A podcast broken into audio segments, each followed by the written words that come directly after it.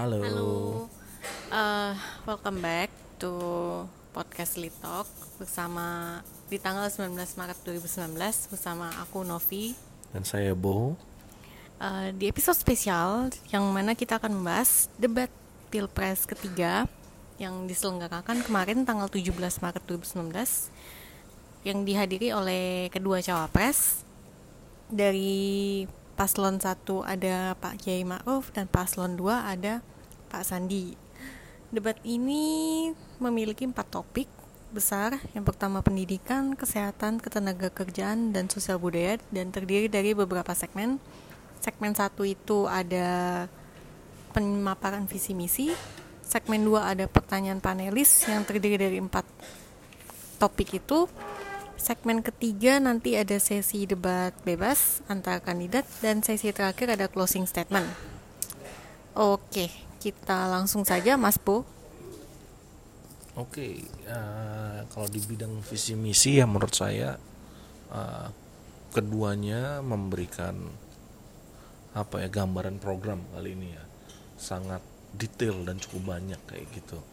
Uh, misal kalau dalam Pak Ma'ruf itu di program kesehatan ada JKN PKH dioptimalkan pendidikan terkait beasiswa hingga kuliah KIP plus kayak gitu kemudian tenaga kerja mereka menyebutkan terkait uh, apa uh, program eh kartu prakerja uh, yang meliputi juga tidak hanya tunjangan apa namanya sebelum bekerja tapi juga pengembangan tempat latihan kerja kursus gratis semacam itu Nah, kalau Pak Sandi itu performancenya apa ya?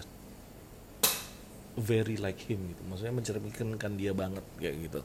Selama dia dulu debat dengan uh, sebagai cawagup Pak uh, Anies Baswedan juga memberikan gambaran semacam ini yaitu banyak program-program kayak gitu dan lucunya di bagian visi misi ini beliau sempat sedikit memberikan gimmick politik yang menurut saya sah ketika mengucapkan ultah terhadap Kiai Ma'ruf kayak gitu tapi ya nggak apa-apa. Itu hanya buat membuat lebih menarik saja di di di di bagian ini. Di bidang pendidikan Pak Sandi itu mendepankan tadi pendidikan tuntas berkualitas kesejahteraan guru honorer harus ditingkatkan. Statusnya meningkat kurikulum karakter dan akhlakul karimah yang saya penasaran itu bentuknya gimana. Cuman belum ada pembahasan ya karena juga masih di bidang visi misi kemudian UAN diganti PMDK sekolah tuh harus link and match kayak gitu antara penyedia pendidikan dan penyedia lapangan kerja.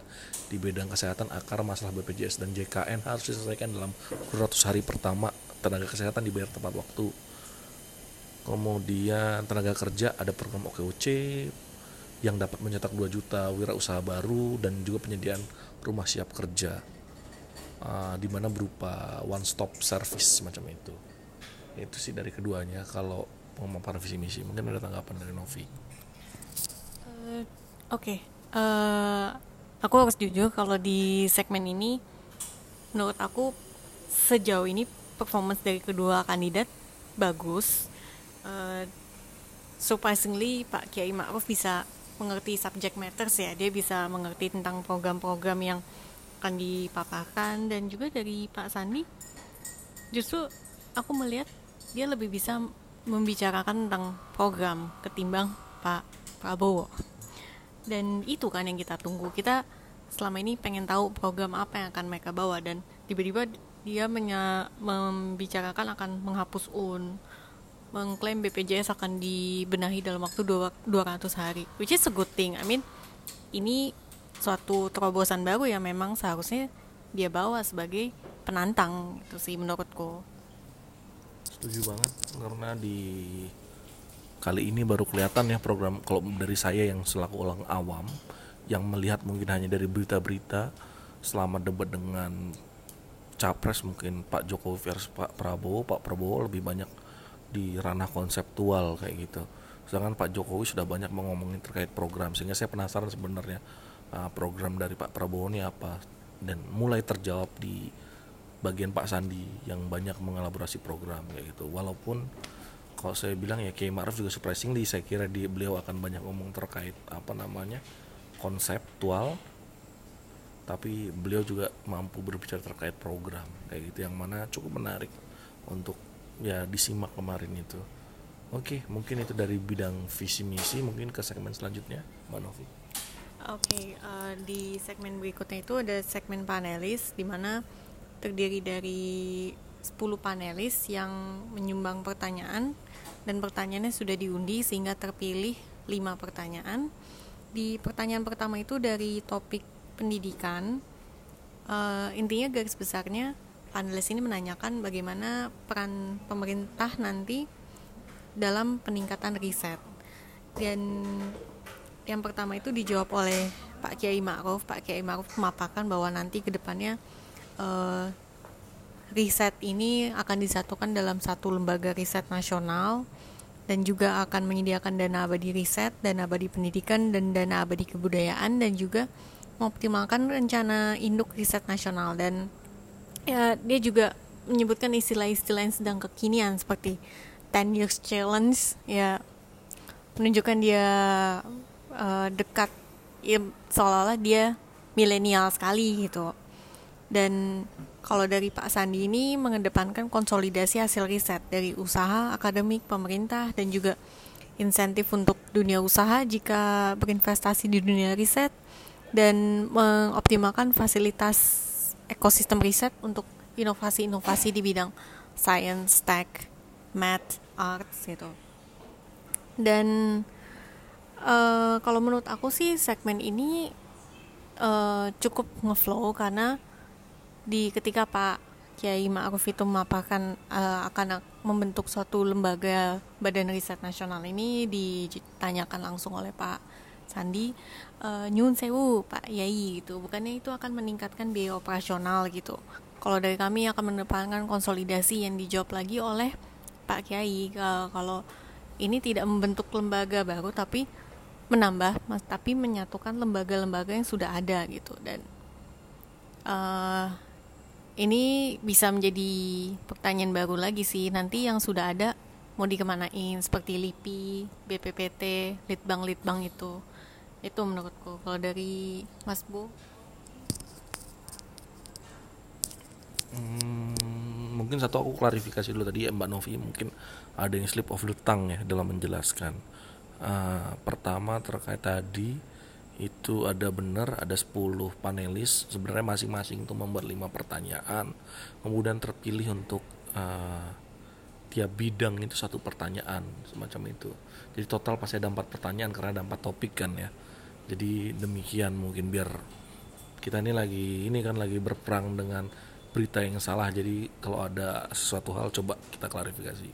Nanti saya tolong diklarifikasi juga mbak ya kalau ada yang salah kayak gitu uh, kemudian terkait tadi untuk pertanyaan panelis bidang pendidikan menurut saya cukup menarik. Apa namanya? Karena dari sisi Pak Sandi dia mendepankan yang namanya apa ya lebih ke konsolidasi antara akademi dunia akademis dunia akademisi dunia industri dan dunia usaha dan juga pemerintah. Pemerintah diharapkan jadi masalah ini tidak diselesaikan dari pemerintah doang. Jadi pemerintah diharapkan punya keberpihakan.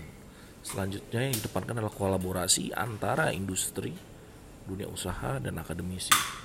Itu sebenarnya ide yang sudah ada dari dulu kayak gitu.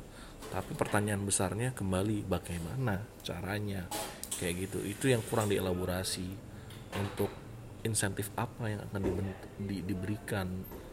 Uh, bagaimana menginsentif uh, industri untuk apa namanya mau uh, berkolaborasi secara langsung kayak gitu untuk untuk R&D-nya sehingga mungkin lebih dijelaskan karena menurut saya itu ide sudah ada sedari dulu. Pun dari Pak Oke okay, Ma'ruf ketika mengedepankan yang namanya apa ya pembentukan badan riset nasional itu maksudnya gimana? Apakah setiap litbang eselon 1 di kementerian itu dipindah jadi satu badan bergabung dengan LIPI dan BPPT dan lainnya? Ataukah metode yang lain? Saya kurang paham kayak gitu. Itu harusnya lebih dijelaskan. Dan kemudian apakah ketika dipisah itu menjadikan program ker menjadikan riset lebih dapat diimplementasikan ke kementerian? Yang mana selaku apa ya, eksekutor program implementasi program kayak gitu. Dan bagaimana channelnya? Itu juga memberikan tanya apa namanya pertanyaan besar gitu. Jadi dari keduanya menurut saya bagus ada ide yang baru bagus sangat sportif tapi lagi-lagi bagaimana menchannelkannya. Mungkin sebagai contoh lagi kalau di Amerika itu yang paling menggelegarkan idenya Bernie Sanders terkait free education, free college dan free healthcare for everyone. Caranya dia bilang adalah itu subsidi atau mengkolek dana dari melakukan tax ke perusahaan-perusahaan besar kepada Wall Street. Dia sebut juga terkait Amazon yang selama ini membayar pajak terlalu rendah atau bahkan hampir zero itu harus di tax dan dana dari tax itu akan dialirkan untuk membiayai tadi college-college publik, uh, universitas-universitas publik, baik itu yang ada di state atau di ranah federal, tapi maksudnya mungkin state, mungkin sifatnya tertransfer, tapi itu jelas, tapi itu jelas memberikan apa yang namanya, memberikan gambaran lebih kepada calon pemilih bagaimana mekanisme channeling antara ide, gagasan, program kerja. Kayak gitu. Sehingga oh ini implementasi caranya karena kayak gini. Dan menunjukkan saya jelas keberpihakan. Kalau kalau hanya berbicara terkait kolaborasi dan hanya berbicara terkait pembentukan badan riset menurut saya terus gimana caranya? Masih kayak gitu. Nah, mungkin itu dari saya. Ada pertanyaan? Ya, kalau kolaborasi kolaborasi itu kan ya kayak tadi Mas Bu bilang sudah ada. Contohnya waktu aku masih di kampus itu di mana uh, riset kampus itu menghasilkan bibit unggul untuk melon. Nah, terus apa? Bagaimana langkah-langkah pemerintah untuk meng apa ya untuk meningkatkan in, produksinya ini? Itu kan yang kita tunggu. Dan aku mau tanya tadi program free college itu cuma public state ya? Harvard enggak ya? Kayaknya nggak tahu sih ya seperti apa gitu. Karena mungkin juga bisa mungkin federal memberikan suntikan dana ke private institution uh, private university misalnya. Tapi yang lebih masuk akal mungkin kan ke state college tentunya. Walaupun state college juga nanti ada yang level uh, level level di masing-masing negara bagian. Cuman ya mungkin semacam itu. Gambarnya tadi setuju banget terkait kolaborasi karena Pak Sandi menyebutkan gimana sebenarnya kita dapat meningkatkan produktivitas dengan cara memberikan apa ya berpihakan kepada tadi peneliti-peneliti anak muda anak muda Indonesia yang pintar dalam pengembangan pupuk organik. Iya setuju. Terus bentuknya gimana keberpihakan yang misalnya bapak akan berikan? Yaitu dan bagaimana menchannelkan? Dari tadi seorang peneliti muda ini bermain dengan ide dan gagasannya kemudian itu bisa di apa ya di expand di level skala nasional atau regional. Caranya bagaimana? Moga mohon kami dibantu. Jangan jangan jadikan ini kalau kayak gini dan karena gini kalau saya gag misalnya saya sebagai calon pemilih saya belum menentukan pilihan sampai sekarang. Saya bisa melihat oke okay, uh, saya mau memilih dia karena idenya baru kayak gitu. Tapi juga saya bisa berpikir karena idenya bagus dan implementable. Tapi cara untuk melihat bagaimana itu diimplementasikan ya harus menjelaskan mekanisme itu demikian kayak gitu dan ini sebenarnya ide-ide yang dikedepankan tidak terlalu baru kalau menurut saya. Tapi pasti ada breakthrough harusnya yang menurut dia pasti ada. Kenapa? Oleh karena itu dia berani ngomong kayak gini kalau nggak ini hanya jadi jargon politik dong kayak gitu. Jadi ya mohon lebih dapat menjelaskan lebih mendalam terkait program kerja ini sehingga dapat diimplementasikan semacam itu. Itu kalau dari saya sih uh, terkait bidang pendidikan ini kayak gitu hmm, mungkin uh, langsung ke pertanyaan panelis kedua di bidang kesehatan Mbak Novi mungkin uh, bisa memberikan sedikit tanggapan dan pertanyaannya terkait hal itu. Oke, kalau di segmen eko segmen sorry, pertanyaan berikutnya kan terkait topik kesehatan. Yang ditanyakan itu uh, adanya ketimpangan di tuntutan kualitas layanan yang tinggi dan pembiayaan yang rendah sehingga kebijakan dan strategi apa yang akan diambil. Oke, uh, kalau dilihat dari jawaban masing-masing kandidat itu dari Pak Kiai Ma'ruf itu sebenarnya jawabannya juga bukan sesuatu hal yang baru karena semua sudah ada yaitu gerakan masyarakat sehat, germas, kesehatan ibu anak, terus dia memaparkan tentang JKN KIS yang salah satu asuransi terbesar karena 215 juta penduduk. Dan e, mengoptimalkan pusat-pusat kesehatan yang dapat dijangkau oleh masyarakat mungkin puskesmas, posyandu sudah ada e, distribusi dokter dan peningkatan pelayanan, distribusi obat dan dia juga menasihati kita untuk tidak mengkonsumsi hal-hal yang menyebabkan kurang sehat. Terima kasih untuk nasihatnya gitu. Tapi sebenarnya tidak ada suatu hal yang baru gitu.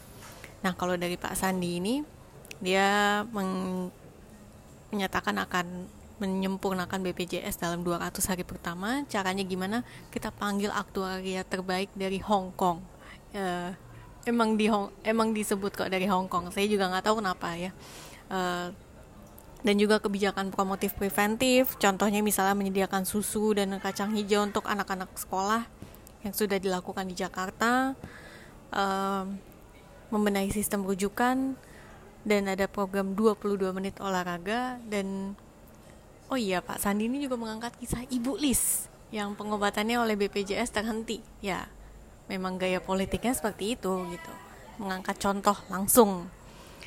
Tapi e, kalau menurutku performance di pertanyaan performance kedua kandidat di pertanyaan ini ya cenderung mm, normatif. Karena tidak ada sesuatu hal yang baru dan dari segi flow debatnya ya setelah masing-masing menjawab ya udah kayak menonton dua orang kampanye bersamaan aja. Maksudnya lagi-lagi mungkin gaya debat di sini seperti itu jadi tidak mengkritisi atau berusaha untuk menanyakan lebih detail tapi lebih ke masing-masing saling menjual program. Jadi ya sebagai orang awam aku ngerasa kayak nonton dua orang lagi kampanye bersamaan. Itu sih kalau dari aku.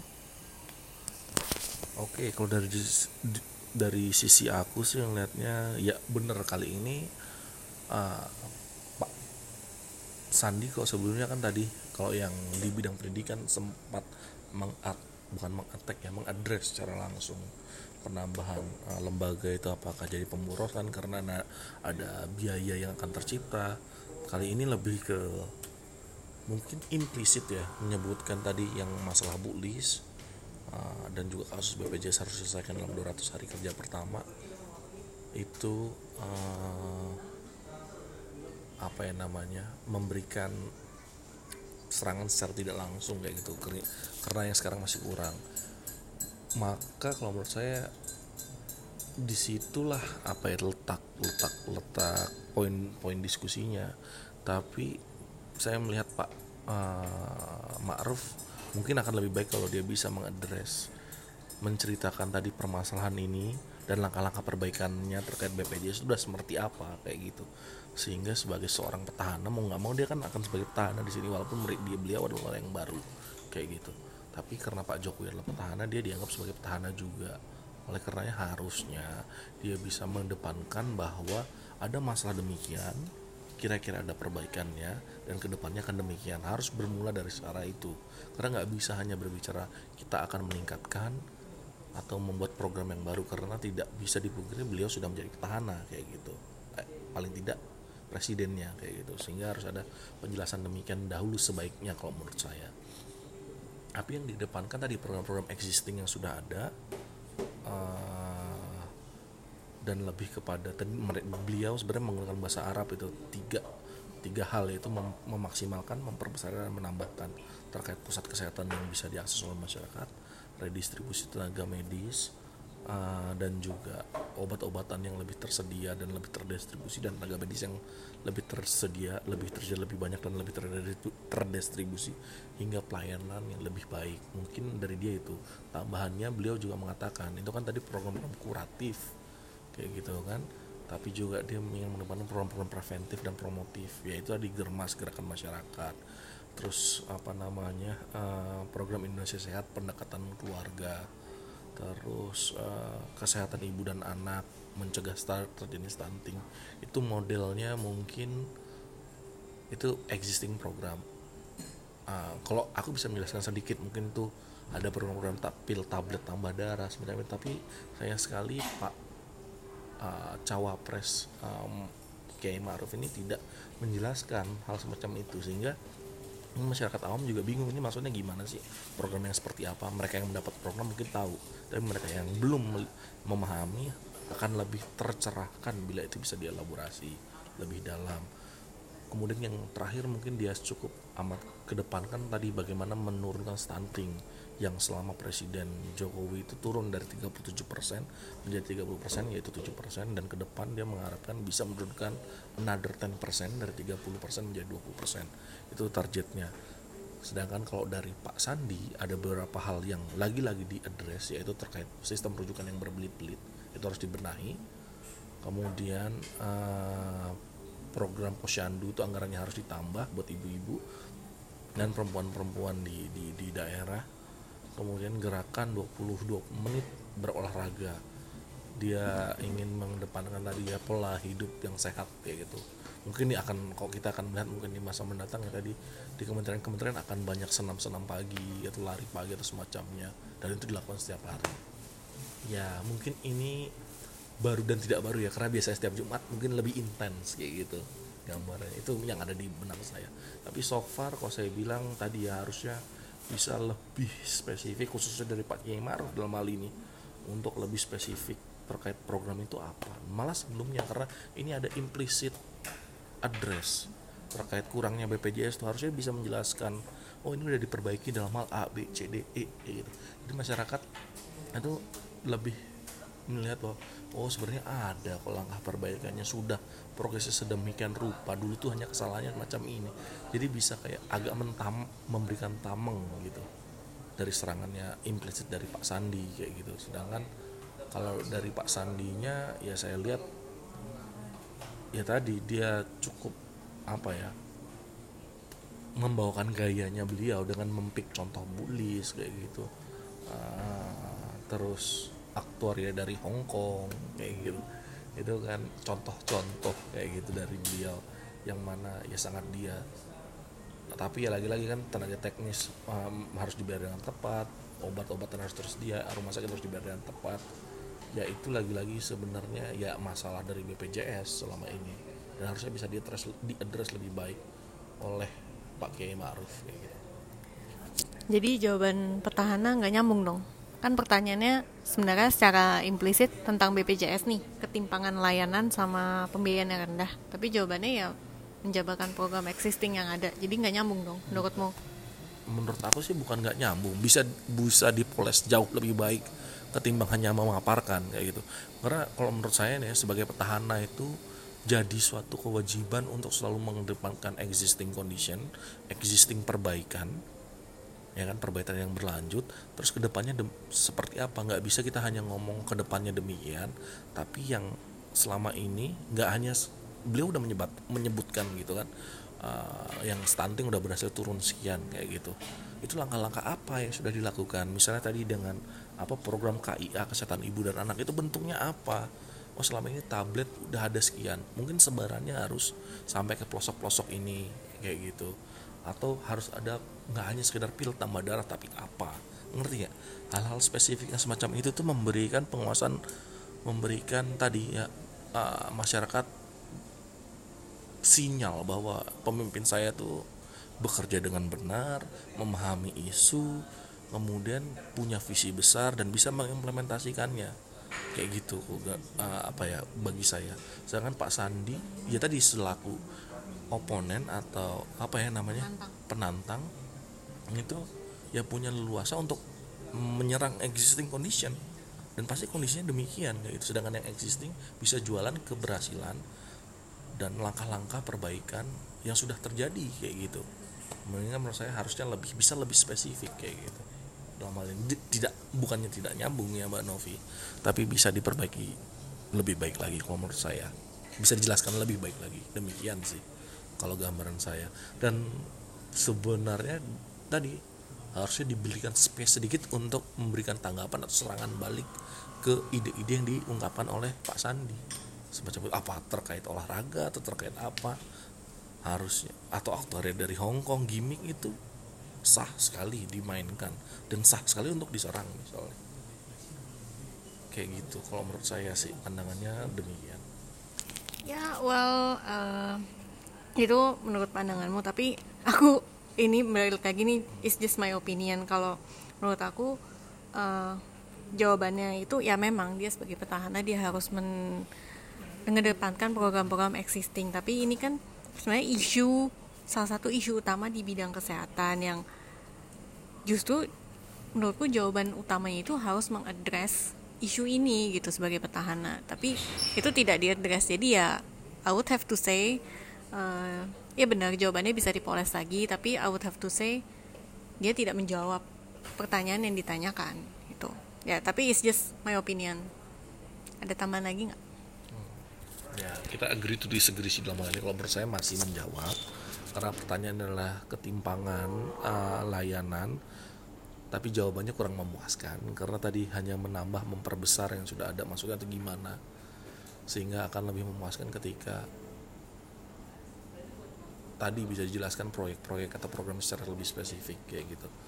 Sedangkan Pak Sandi pun dalam hal ini pembenahan 200 hari kerja itu maksudnya pembenahan dalam hal apa juga saya nggak pernah tahu sehingga lebih baik juga kalau bisa lebih spesifik kayak gitu. Dan sedikdaya apa sih aktornya Hong Kong itu sebenarnya menjadi pertanyaan bagi saya.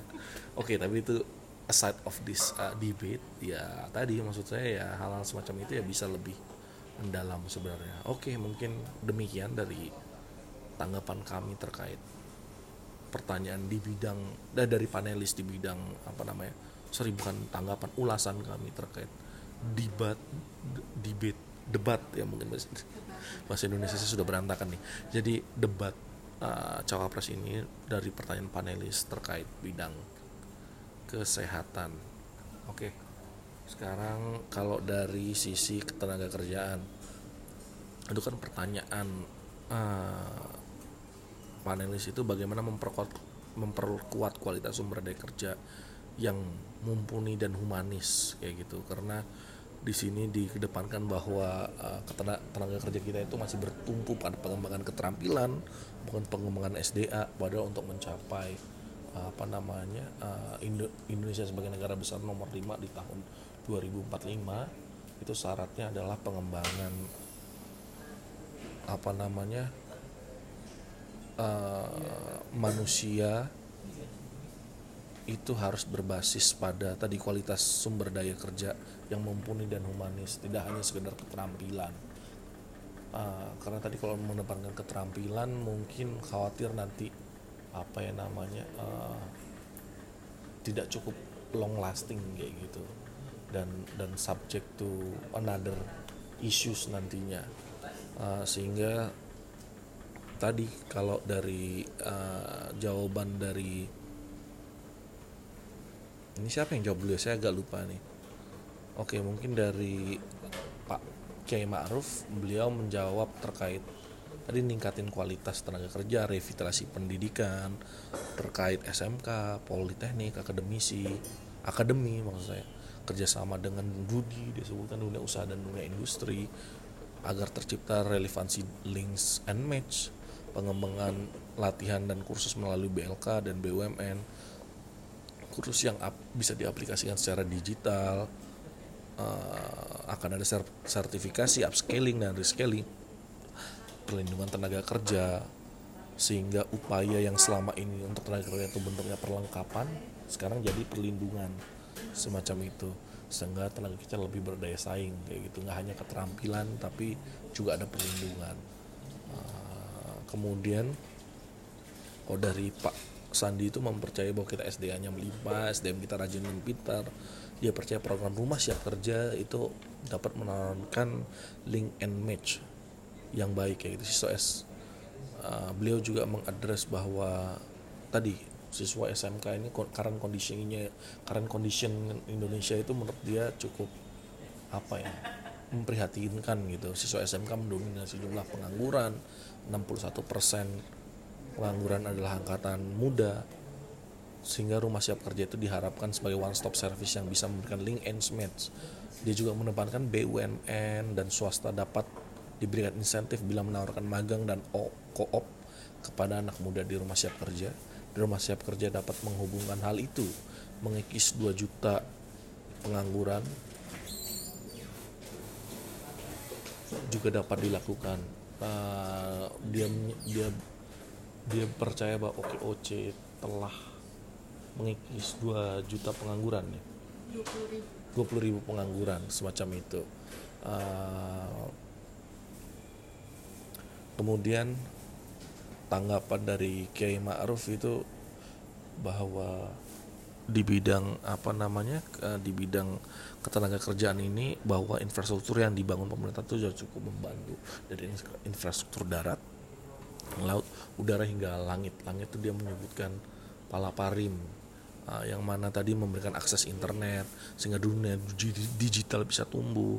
Startup unicorn hingga dekakorn uh, tenaga kerja kita selalu dipersiap dan dengan adanya tadi program prakerja terus pelatihan BLK kursus-kursus itu kita menyediakan atau menyiapkan generasi muda itu the next 10 years challenge kayak gitu.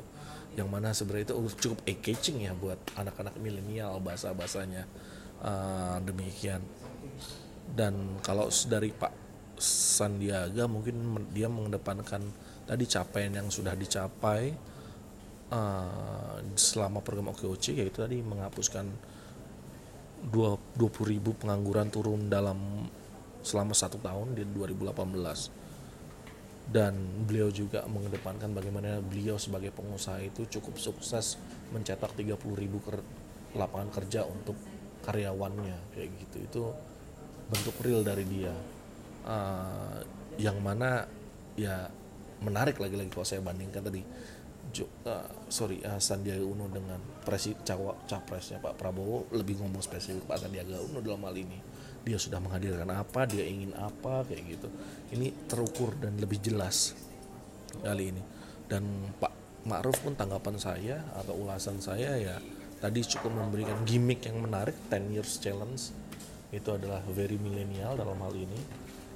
Kemudian uh, dari Pak Sandiaga menurut saya ya cukup mem mem memberikan jawaban selama ini karena program-program spesifiknya kurang terelaborasi ya dari program Prabowo Sandi. Tapi kali ini Sandiaganya cukup mem memberikan gambaran programnya. Gimana tanggapan kamu Mbak? Ya, uh, kalau jawaban-jawaban tadi udah dijelaskan oleh Mas Bo, um, kalau aku sih penilaianku ya jawaban keduanya cukup baik tapi masih bisa untuk lebih dielaborasi. Karena kan memang pertanyaannya ini kan uh, bagaimana pengembang untuk pengembangan kemanusiaannya selama ini kan fokus ke pengembangan keterampilan. Tapi dari segi mungkin self developmentnya seperti apa gitu. Dan menurutku itu yang kurang dielaborasi oleh kedua kandidat. Karena ya misalnya dari Kiai Ma'ruf men, men menjelaskan akan membuka kursus-kursus latihan kerja melalui BLK sertifikasi sehingga juga apa e, nanti anak muda generasi kerja juga bisa menguasai teknologi untuk startup startup. Dan juga Pak Sandi itu juga e, menjual program rumah siap kerjanya dan OKOC ya. Terus spesifiknya gimana? Dari segi self developmentnya gimana? Itu kan yang ditanya maksudnya aku punya pertanyaan nih maksudnya self development tuh macam apa sih? Bisa dijelaskan lebih dalam nggak?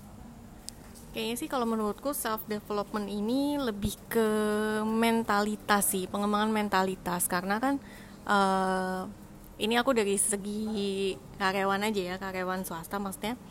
Oke okay, skill itu penting tapi kan juga attitude dan uh, pola pikir itu kan juga perlu dikembangkan. Dan mungkin maksud pertanyaan panelis itu kan selama ini fokusnya ke pengembangan teknis tapi bagaimana pe pembelajaran untuk mentalitas dia membangun karakternya juga supaya bisa bersaing dan khususnya di era revolusi industri ini yang nanti banyak akan mungkin akan menurunkan tenaga kerja gitu bagaimana gitu?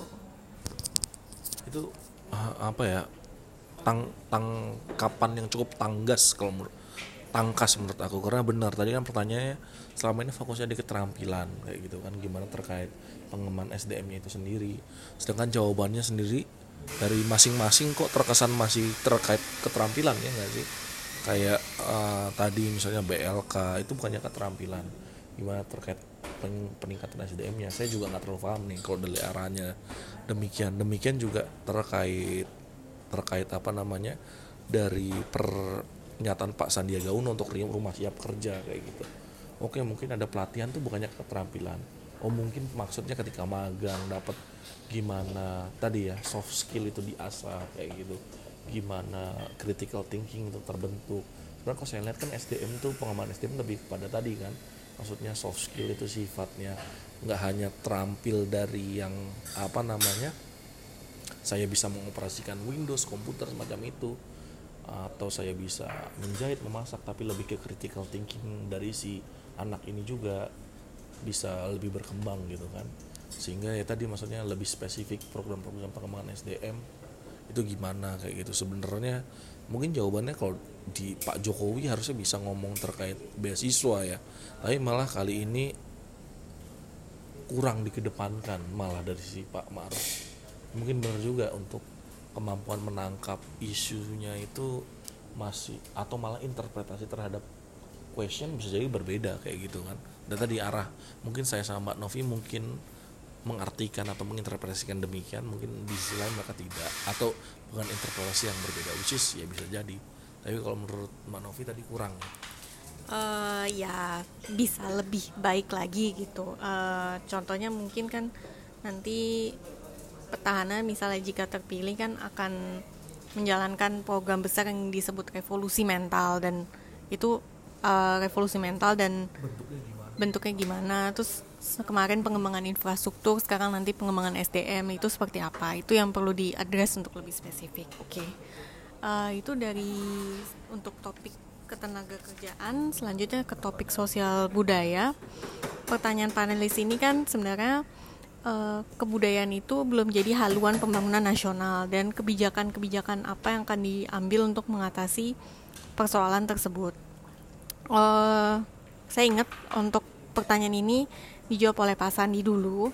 Yang pertama dia ya gaya politik dia bercerita kalau bagaimana Bung Karno dulu bertemu dengan Menteri Pertahanan US tahun 60-an uh, 61 ya disebut kalau mungkin Indonesia tidak punya bom atom tapi kami punya seni budaya yang tinggi dan jawaban dia juga mengedepankan kurikulum berbasis kebudayaan dan juga mendorong ekonomi kreatif berbasis kebudayaan mengoptimalisasi pariwisata akan diprioritaskan dan juga kolaborasi-kolaborasi dari dunia usaha, kampus, civil society gitu.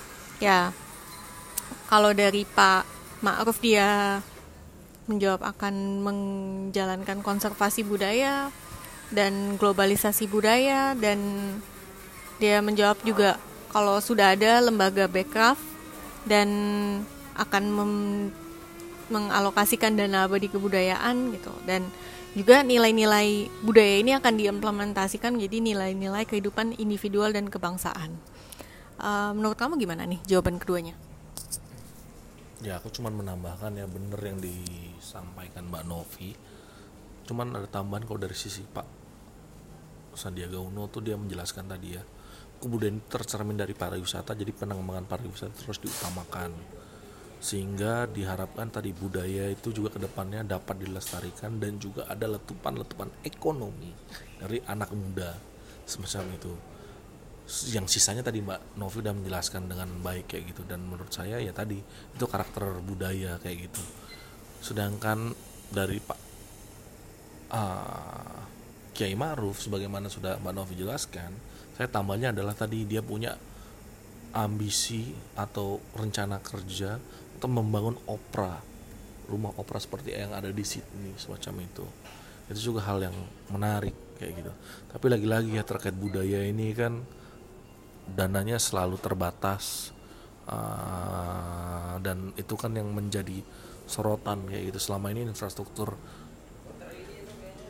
hard infrastructure itu infrastruktur fisik yang didepankan. Terlantas bagaimana pembangunan budaya. Kalau Pak Sandi itu mengedepankan tadi yang namanya kolaborasi gitu ya uh, dunia usaha dan akademisi kemitraan sehingga seorang semua orang bisa ber ini langsung ber bersumbang sih langsung. Lagi-lagi pertanyaannya bentuknya seperti apa? Saya penasaran selalu kayak gitu. Kan pak ada penjelasan atau channeling idea hingga menjadi implementasinya itu akan menjadi jargon kalau menurut pemilih seperti saya. Jadi, kalau dari Pak Ma'ruf mungkin tadi dia mengenai adanya apa ya meng, mengabsorb mengab, meng, menyerap menyerap karifan lokal dan melestarikannya dan membuatnya lebih global. Nah, bentuk festival-festival ini apakah akan 100% dilaksanakan oleh Backcraft? Karena kan memperkuat Backcraft. Ataukah ada cara lain kayak gitu? Apakah semua harus dari negara? Kalau ti kalau ada cara lain itu bagaimana? Kayak gitu globalisasi kan berarti kan menjual kayak festival-festival Indonesia di banyak negara. Itu kan pekerjaan Backcraft dan juga kerjasama dengan Kementerian Luar Negeri biasanya itu seberapa efektif kayak gitu. Dan pengembangan pariwisata tadi pariwisata yang lebih berbudaya itu seperti apa kayak gitu. Dan menchannelkan kementerian dari cerita Pak Sandiaga Uno itu bagaimana caranya? Itu masih pertanyaan besar sih bagi saya. Silahkan Mbak kalau ada tanggapan. Iya uh, mungkin uh, kalau misalnya masalah festival festival-festival mungkin kaitannya dengan kolaborasi ya gitu. Tapi uh, sebenarnya itu bisa lebih di spesifik lagi sih. Contohnya kita kan bisa meng petana bisa mengangkat uh, bagaimana peran institusi-institusi budaya yang sudah ada selama ini. Baik dari segi dari tingkat daerah sampai tingkat nasional. Terus Indonesia kan juga punya sekolah-sekolah seni. Mungkin itu juga bisa dilibatkan dalam kolaborasi ya. Intinya sih lebih spesifik. Dan dari segi flow debat ya tidak uh, terlalu ngeflow lebih ke menonton dua orang kampanye lagi lagi-lagi. Ya. Ada tambahan lagi nggak? Setuju. Hmm, kali ini emang kurang terjadi debat dua arah. Lebih ke pemaparan masing-masing. Mungkin kita langsung ke next sessionnya aja ya mbak ya. Silakan. Oke okay, uh, eh, selanjutnya debat bebas. Uh, di debat bebas ini uh, juga dibagi menjadi empat topik. Yang masing-masing topik itu di dikasih waktu 8 menit untuk kedua kandidat untuk saling bertanya dan menjawab. Oke, yang pertama itu dari topik ketenaga kerjaan di mana Pak Sandiaga Uno yang bertanya ke Pak Kiai Ma'ruf. Pak Sandi ini bertanya bagaimana eh, langkah-langkah uh, pemerintah untuk meningkatkan tenaga kerja dalam negeri. Kenapa kesannya kok uh, tenaga kerja asing dipermudah misalnya menghapus kebijakan harus berbahasa Indonesia, visa untuk tenaga kerja di terutama strata terbawah, kebijakan outsourcing dan sistem upah juga yang belum berkeadilan gitu. Uh, dari Pak Ma'ruf ini menjawab kalau si tenaga kerja ini di Indonesia masih rendah, kurang dari 0,01 persen dan juga nanti ke depannya akan dikembangkan lagi iklim kerja yang lebih kondusif, akses-akses keuangan yang mudah seperti KUR, bank wakaf mikro yang suka, sudah ada mekar untuk ibu-ibu, dan juga pengembangan infrastruktur digital berupa palaparing yang uh, dapat sudah sudah membangun atau targetnya ya 3.500 startup itu? 3.500 startup kayaknya saat ini sudah seribu dan nanti akan membangun tiga ribuan startup lagi kayak gitu mungkin. Kalau yang saya tangkap karena selama tahun dua apa dua ribu selama pemerintahan Jokowi ini sudah membangun seribu startup baru. Kemudian kalau yang saya tanggapin sih dalam hal ini ah ini pertanyaannya menarik karena kan yang terkait TKA menurut uh, Kiai Ma'ruf sebenarnya terkendali jumlahnya ya sebagaimana dicek dia beliau menyebutkan 0,01 di bawah 0,01 walaupun kata data merilis itu nyampe 0,03 atau sekian kayak gitu. Bercek fact itu tergantung beberapa apa namanya uh, lembaga perilis kayak gitu. Di kata data itu merefer data 2017 tapi ya lebih banyak tenaga as kerja kita yang di luar negeri. Kemudian untuk aturan berbahasa Indonesia seingat saya itu tidak saklek dalam artian tetap harus ada kewajiban untuk mengkursuskan dari permen tenaga kerjanya kalau nggak salah peraturan menteri tenaga kerja. Tapi apakah harus sudah bisa berbahasa? Mungkin tergantung sektor kayak gitu. Ya kalau semuanya sama mesin masa harus bisa berbahasa? Indonesia kalau terkait dengan humans human interaction sebagaimana tenaga kerja kita misalnya bekerja di luar kayak gitu dan dia harus berinteraksi sebagai TKW atau apa ya. Mau nggak mau bahasa harus bisa dong. Kayak gitu. Tapi mungkin bisa jadi negara luar memang lebih restriktif ya.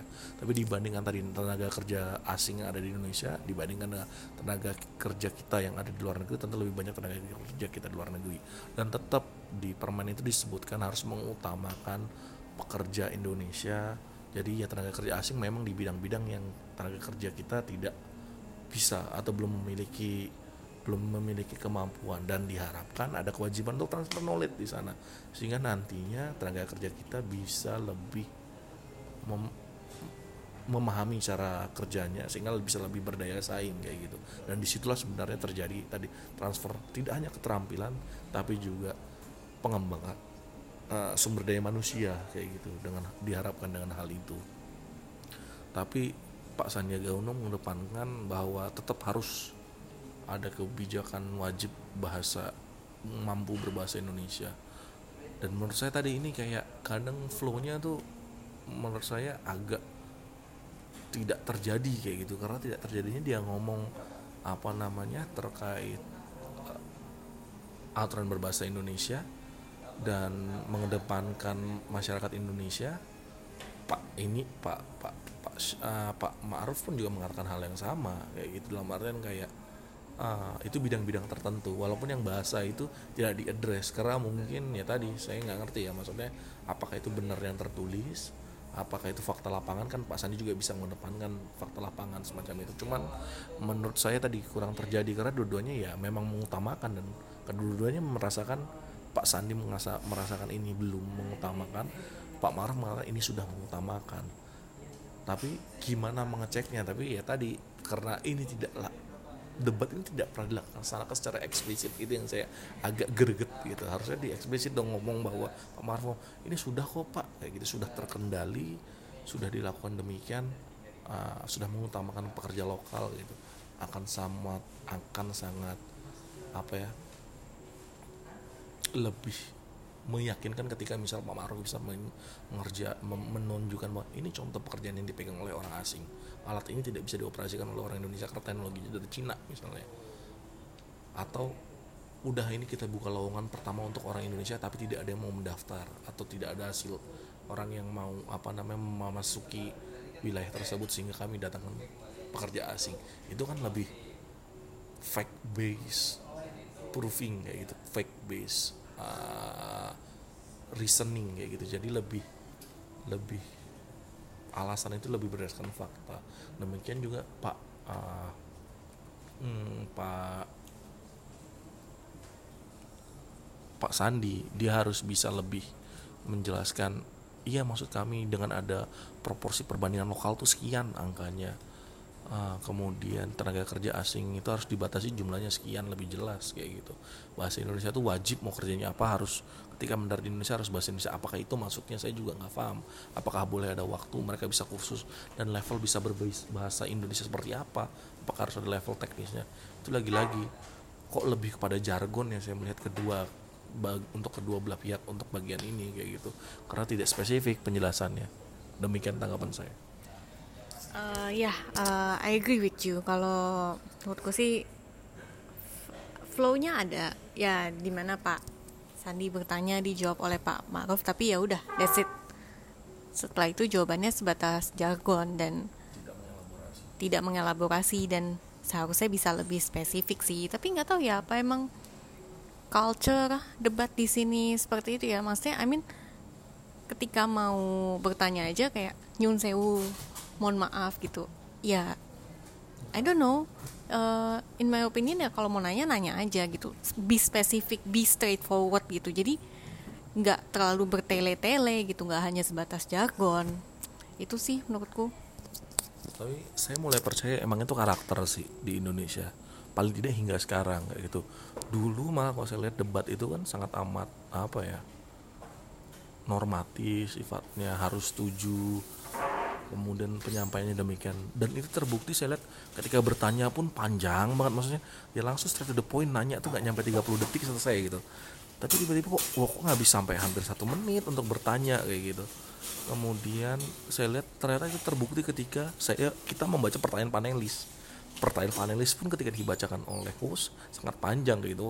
Itu mungkin karakternya bangsa Indonesia dalam bertanya saya nggak ngerti juga. Cuman yes yang kita butuhkan kan adalah jawaban sebenarnya dan penjelasan seelaboratif mungkin dan lebih lebih meng, menghadirkan yang namanya apa ya fact based uh, reasoning kayak gitu. Sehingga kita bisa ngeliat oh kayak gini oh mereka sudah melakukan ini.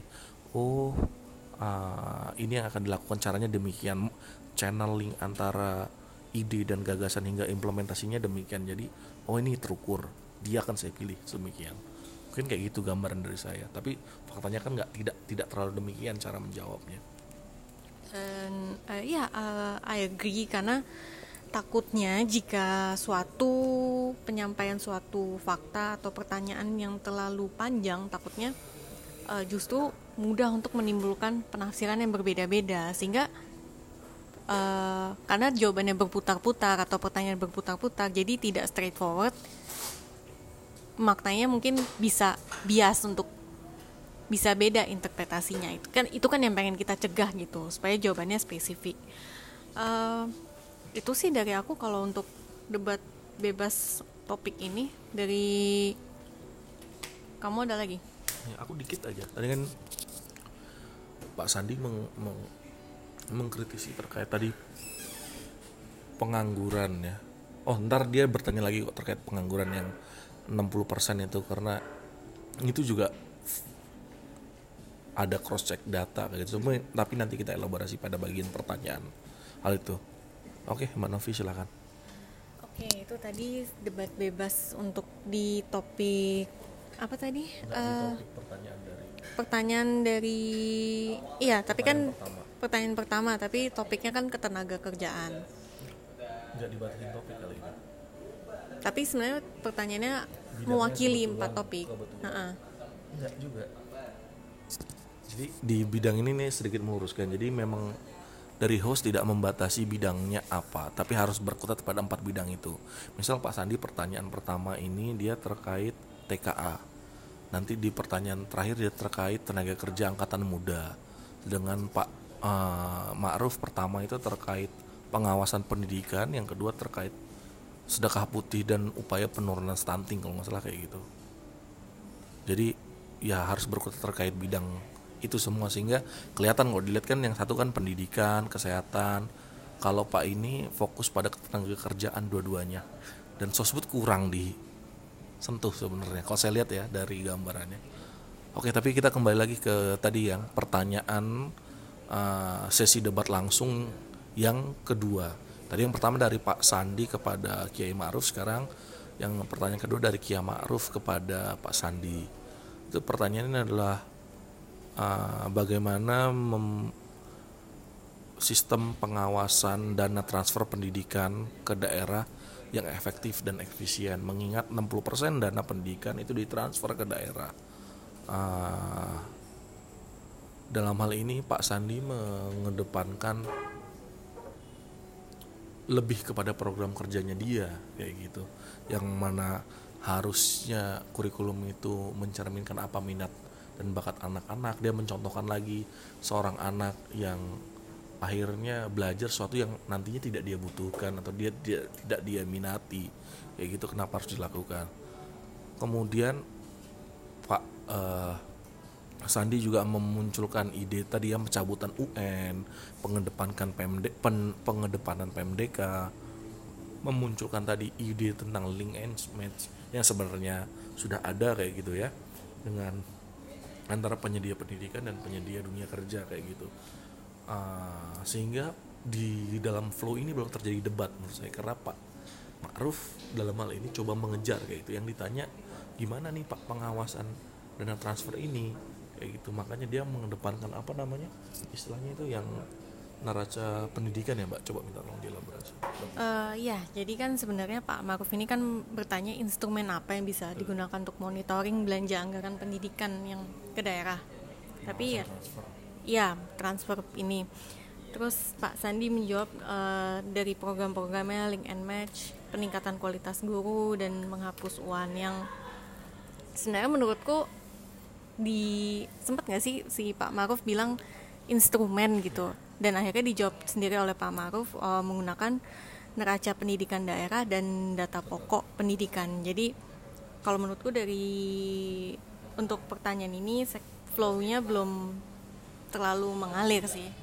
Oh gitu. Kalau menurut aku malah Pak Maruf dalam hal ini ini salah satunya momen di mana dia sangat mengejar kayak gitu. Mengejar maksudnya saya tuh nanya terkait instrumen karena dia nanya gimana sih instrumen pengawasan transfer dana pendidikan ke daerah yang efektif kayak gitu? Dengan menggunakan apa? Dijawab malah dengan Pak Sandi dengan program kerjanya dia kayak gitu. Yang mana instrumen apa itu? Caranya gimana? Kayak gitu kan. Mau dikejar saya menanyakan instrumen. Kalau saya tuh ini ini ini dengan tadi raca apa pengem- pendidikan nasional dan juga data data apa sih? Pokok pendidikan. data pokok pendidikan kayak gitu. Lantas baru Pak Sandi mungkin kelihatan dari apa mimiknya lebih menjawab gitu. Yang penting bukan instrumen instrumen itu bisa digunakan tapi lebih kepada bagaimana kurikulum dan programnya.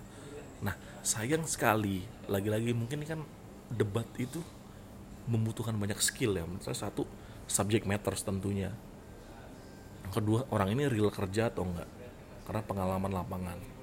Terakhir adalah skill debate gitu. Kalau saya mungkin karena saya pernah ikutan lomba debate atau apa saya dalam ketika Pak Sandi menjawab itu ya tadi saya bisa memunculkan bahwa Bapak mohon kontekstual dari pertanyaan saya karena kasus ini bukan menanyain program Bapak kayak gitu. Instrumen apa yang bisa Bapak kelola? Dan bisa nggak itu lebih baik daripada instrumen tadi data pendidikan nasional yang saya punya dan juga neraca pendidikan yang saya punya kayak gitu. Tapi itu nggak keluar ya mungkin kak ya saya bisa menyatakan mungkin dalam hal ini model debat semacam itu kayak Maruf tidak terbiasa mungkin ya. Karena saya ngeliat itu ada loophole sekali yang bisa dikejar gimana pandangan kamu Iya, kalau menurutku jadi ya kayak ini ini it's just my opinion, tapi jadi kayak nanya sendiri ya jawab sendiri gitu. Lagi-lagi kan memang eh, ini pertanyaan yang membutuhkan pengetahuan. Maksudnya orang awam juga belum tentu tahu instrumen apa sih yang bisa kita gunakan. Tapi kan seharusnya sebagai eh, negarawan, pejabat negara yang nantinya akan memimpin negara ini kan mungkin sebaiknya dia tahu instrumen-instrumen apa yang digunakan gitu sih dan Pak Maruf juga bukan melihat contekan ya di bagian pertanyaan ini dia melihat contekan kok Menurut saya sah-sah aja kalau ngeliat, melihat catatan karena di aturannya kan nggak apa-apa bawa catatan. Cuman yang tadi karakter atau naluri pendibet pendebatnya itu kurang kayak gitu. Jadi saya bisa membayangkan kalau seorang JK atau apa bisa dipermainkan dengan data kayak gini karena saya menanya apa bapak nggak jawab, bapak nggak nyambung pertanyaan saya harusnya kayak gitu. Karena yang punya hak bertanya kan Pak Ma'ruf dalam hal ini. Dia merasa pertanyaan tidak dijawab sebenarnya makanya dia mengejar saat sesi tanggapan. Tapi Pak Pak Sandiaga Uno dalam hal ini berkelit kan untuk ngomong bahwa instrumen itu bisa dilakukan uh, tapi tidak tidak pen, tidak terlalu penting tapi lagi-lagi harus lebih kontekstual. Kalau sebagai orang yang bertanya harusnya ini kan konteksnya adalah instrumen.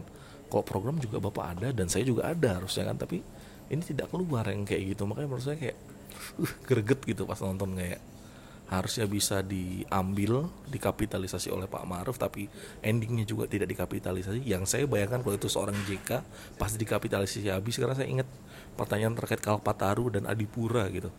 Dulu waktu debate Jokowi JK dan juga Prabowo dan Hatta. Kayak gitu. Dan Pak JK karena nggak nyambung nggak mau dijawab kayak gitu. Itu menunjukkan emang kaliber kualitas pendebat semacam itu. Dan itu menunjukkan ya harus kontekstual kayak gitu. Ketika dibalas tapi harus siap juga diserang diserang balik. Oleh karena itu mencari pemimpin dengan debat itu suatu hal yang baik menurut saya. Karena kita harus bisa melihat orang ini mengalami subject matter atau enggak bisa melingkan antara ide hingga implementasi dan punya skill untuk mendebate kayak gitu. Critical thinking untuk berdebat itu yang harus dimiliki. Kalau itu. Di babak ini ya tadi Pak Sandi coba berkelit Pak Ma'ruf tidak mengejar keberkelitannya itu. Kayak gitu. Hanya sem- hanya sebatas tadi menanyakan ulang tapi di situ nggak diserang kayak gitu ketika Pak Sandi cukup defensif me- menunjukkan bahwa instrumen itu tidak cukup kayak gitu. Kemudian mungkin lanjut ke sesi debat selanjutnya debat sesi langsung. Itu kali ini pertanyaan dari Pak Maruf lagi ya ke Pak Sandi kayak gitu. Beliau menanyakan program sedekah putih yang yang yang ditangkap masyarakat tuh bisa mengurai stunting. Itu gimana kok bisa? Caranya gimana? Dan program seperti apa sih sedekah putih itu? Sehingga dia minta mengelaborasi minta Pak Sandi untuk mengelaborasikan lebih dalam silahkan Mbak Novi Iya. Eh, untuk eh, debat pertanyaan yang kali ini kan tadi yang Pak Maruf menanyakan sebenarnya sedekah putih itu seperti apa sih? Coba lebih dielaborasi dan Pak Sandi juga menjawab kalau putih itu kan susu. Jadi sedekah putih ini memberikan susu. Dia mengangkat contoh kalau istrinya ini melahirkan di usia 42 tahun dan setelah usia 6 bulan eh, air susu ibunya terhenti dan itu banyak kasus di ibu-ibu lain. Jadi sedekah putih ini lebih ke memberikan susu untuk ibu-ibu itu supaya eh, tujuannya nanti mengurangi stunting dan dan di sini flow juga terjadi karena Pak Maruf ini langsung menyang, memberikan kritik atas tanggapannya dia tersebut.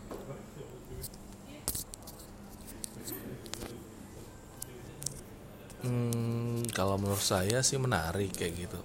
Karena akhirnya ya ini kalau saya kalau nggak salah saya ingat ya kan Pak Ma'ruf tuh menanyakan hal tersebut ke Pak Sandi. Pak Sandi mengelaborasi programnya adalah bantuan susu yaitu untuk ibu dan anak kayak gitu kan. Untuk asupan protein gizi dan bisa mencegah stunting kayak gitu. Jadi itu kalau menurut Pak Ma'ruf salah kayak gitu. Karena stunting itu seribu hari kehidupan. Kalau karena yang tangkap masyarakat tuh sedekah susu tuh anak yang udah berhenti disusukan kemudian dikasih susu itu udah tidak bisa mencegah, mencegah stunting gitu. Harusnya Pak Sandi mungkin nggak bisa merecall apa yang sudah dia katakan pada sebelumnya kayak gitu yaitu ibu juga diberikan susunya tapi dia malah berkelit dengan ngomong tadi saya punya istri Ibu Nur Aisyah terus apa punya anak saat usia 42 tahun setelah enam bulan susunya terhenti sehingga dapat bantuan. Utama dari program susu eh, program apa namanya sedekah susu eh, sedekah putih ini adalah partisipasi masyarakat. Kayak gitu kolaborasi masyarakat nggak hanya dari apa pen- pemerintah. Oleh karena itu harusnya bisa dijawab dengan mudah dalam artian kayak ya ini tujuannya tidak hanya sekedar stunting tapi protein dan kolaborasi dari masyarakat. Kayak gitu atau sebelumnya ya tadi kalau semua ini tujuan kepada ibu hamil tentunya bisa menolong. Tapi bagi anak yang sudah lebih dari dua tahun tentunya bukan tujuan untuk stunting hanya untuk protein. Kayak gitu. Untuk cara stunting mungkin ada yang lain harusnya bisa dielaborasi. Ini cara saya untuk stunting dan lebih mengenal untuk stunting. Kayak gitu. Sedangkan uh, Pak Ma'ruf tadi di sini menunjukkan tadi ya subject matter terkait stunting ini sudah sangat amat dalam kayak gitu. Mungkin ya belajar atau mendapat brief yang mendalam terkait bidang ini gimana tanggapan kamu mbak? Iya, eh, aku agree sih. Maksudnya di pertanyaan ini terlihat kalau Pak Maruf lebih memahami subject matters dan sayang sekali ini lagi-lagi terkait skill debat itu eh, mungkin Pak Sandi harusnya bisa mencari celah untuk kembali memberikan tanggapan yang lebih elaboratif tapi ya lagi-lagi eh, tidak terjadi ya kurang dielaborasi lagi sih jadi tapi flow-nya cukup berjalan sih maksudnya eh, Pak Maruf memberikan ini apa kritik dan dijawab tapi mungkin kurang tepat diberikan kritik lagi. Tapi ya udah flow-nya segitu aja. Jadi belum terjadi eh, belum disanggah lagi gitu oleh Pak Sandi. Itu sih kalau menurutku untuk pertanyaan yang ini. Ya sih kalau menurut aku mungkin cukup ya terkait hal itu karena tadi udah terjawab. Cuman saya hanya menunggu sebenarnya bisa dielaborasi lebih dari Pak Sandi terkait program stuntingnya dan mengedepankan bahwa sedekah putih itu mungkin banyak salah diartikan oleh masyarakat. Bisa membantu stunting bila itu ditujukan untuk ibu hamil atau anak masih tadi kurang ya apa belum dua tahun kayak gitu. Tapi utamanya memang seperti Pak Maruf uh, kedepankan itu bukan susu itu sendiri tetapi lustrum air susu ibunya kayak gitu selama 2 tahun. Kualitasnya harus diperbaiki. Jadi harus ada yang namanya program berkesinambungan untuk anak mulai dari pranika begitu pendidikan pranika sanitasi keluarga. Di situ ketika kelihatan oh Pak Ma'ruf memang menguasai nih isu stunting ini menurut saya. Nah, tapi Pak Sandi apa ya mungkin berkelitnya kurang semanis yang pertanyaan sebelumnya. Kalau pertanyaan sebelumnya itu lebih manis berkelit dan Pak Ma'ruf pun kelihatan tidak bisa mengambil kesempatan itu. Kayak gitu. Uh, jadi menurut saya sih lebih ke arah itu. Uh, selanjutnya mungkin di pertanyaan terakhir atau masih ada tanggapan dari Mbak Novi? Udah sih uh, boleh lanjut. Oke di pertanyaan debat sesi berdebat langsung sesi terakhir ini itu yang bertanya adalah Pak Sandiaga Uno kepada Pak Ma'ruf. Dan pertanyaannya adalah bagaimana menangani pengangguran angkatan usia muda yang berdasarkan data beli eh, pengang, sorry pengangguran usia muda itu pada usia 15 hingga 25 tahun kalau nggak salah. Yang menurut informasi beliau itu didominasi oleh anak SMK dan jumlah angkat jumlah pengangguran usia muda itu mencapai 60% kayak gitu apa yang akan dilakukan oleh pemerintahan Jokowi Ma'ruf nantinya untuk mengatasi hal ini.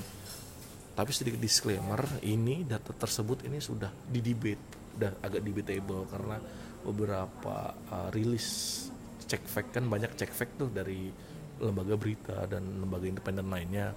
BPS misalnya merilis 2018 tuh pengangguran usia muda bila sampai batasnya sampai 25 tahun tuh sekitar 43 persen bukan 60 60 atau 61 persen. Cuman itu sekedar disclaimer informasi aja. Jawaban dari Pak Ma'ruf pada saat itu adalah tadi lagi-lagi dengan kartu pra pra, pra kerja yang mana memberikan kursus dan pelatihan gratis dan juga uang apa ya namanya ya uang jaminan sementara lah kayak gitu. Untuk anak 6 hingga satu tahun sebelum mendapatkan pekerjaan kemudian pengembangan BLK di dan itu akan terintegrasi kan dengan kartu ini revitalisasi sekolah yang lebih link and match dan terakhir dia juga menyebutkan terkait universitas cyber. Jadi tidak hanya universitas yang tradisional tapi universitas cyber. Lagi-lagi hal sebejam ini menarik hal baru. Tapi bentuknya apa? Definisi lebih dalam juga nggak ada kayak gitu. Universitas cyber apakah universitas yang seperti universitas terbuka? Apakah apa uh, sifat apa namanya uh, yang dikaji uh, maksud saya yang notabene pendidikan yang diberikan berbasis online ataukah kurikulumnya itu mempelajari terkait cyber, cyber security, internet dan lain-lain, dunia-dunia bidang internet atau tadi sifatnya kelas jauh semua yang dilaksanakan melalui e-courses yang mana tadi via internet tatap mukanya e-conference kayak gitu. Ini kan nggak tahu ide semacam ini sehingga tadi saya menunggu sebenarnya lebih dalam terkait apa kayak gitu. Karena kalau udah tahu bahwa hal baru dijual please more specific than this kayak gitu. Itu menurut saya sih. Sedangkan kalau Pak uh, Sandi itu mengedepankan tadi mengkapitalisasi rumah siap kerja yang mana harusnya bisa menjebatani mengurangi pengangguran anak usia muda. Karena terjadi link and match. Walaupun akan ada pertanyaan lagi lagi how insentifnya semacam apa dan gimana ini bisa bekerja. Itu sih tanggapan saya. Gimana kalau menurut gimana kalau menurut Mbak Novi? Uh, iya kalau dari aku sih sebenarnya jawaban Pak Maruf ini sudah tepat dan lugas ya maksudnya. Pak Sandi bertanya program apa yang akan dilakukan untuk menurunkan pengangguran tingkat usia muda dan dijawab oleh Kiai Ma'ruf kita punya solusi struktural dan pasar atau non struktural yang juga debatable contohnya dari reformasi pendidikan, cyber security ini seperti apa gitu.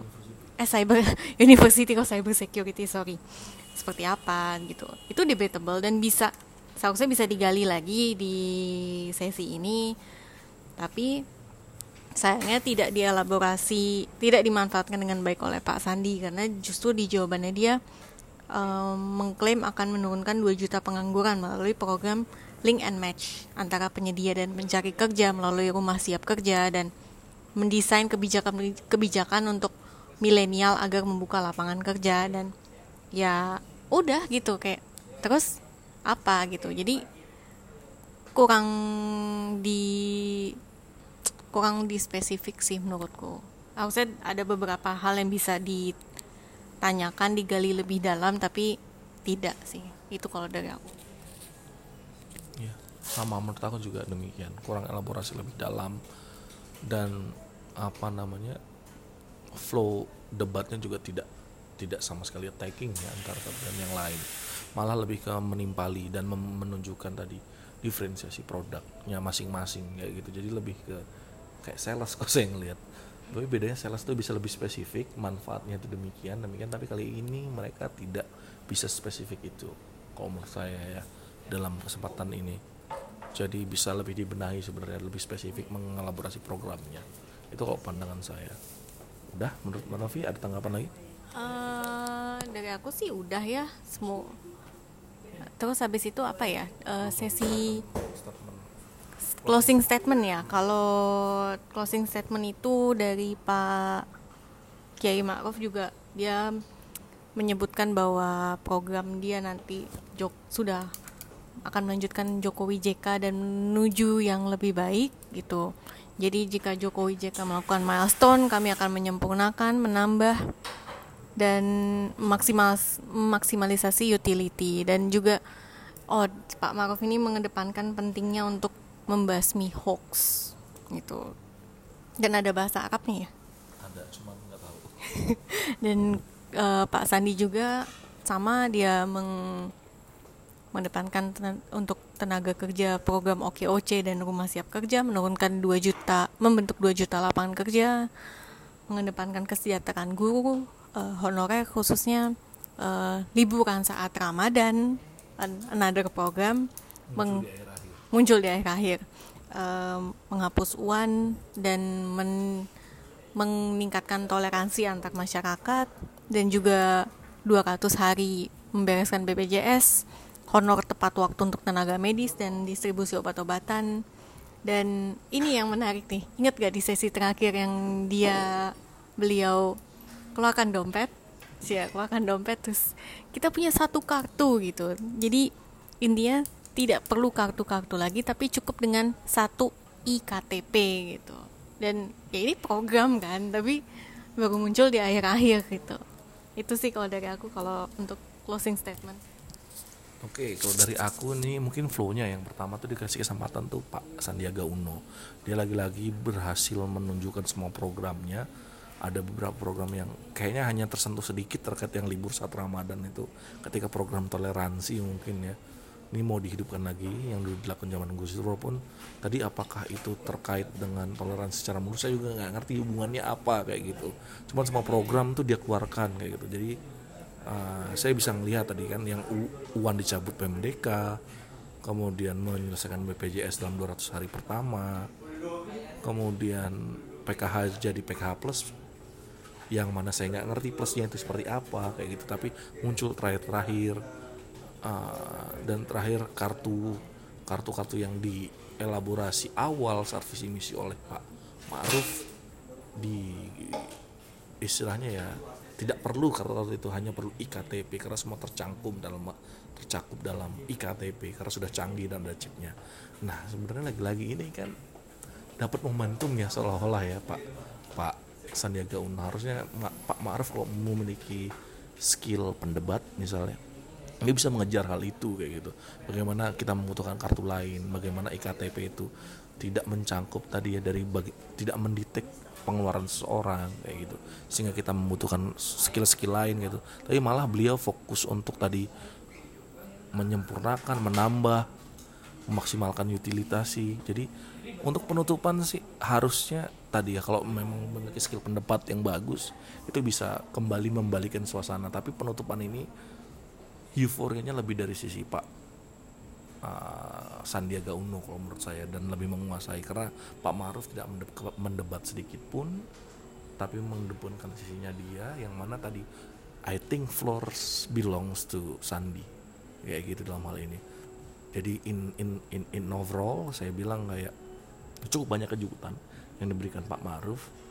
Uh, saya ber, hipotesis saya kayak 60-40 buat Pak Sandi tapi ini terbukti ya masih unggul Pak Sandi juga karena tadi ya dia sedikit lebih memiliki apa ya varian pewarna dengan gaya bicaranya dia yang mem, mem, mempik atau memilih satu dua sampel orang sebagai contoh real kemudian sedikit lebih pandai berkelit kayak gitu.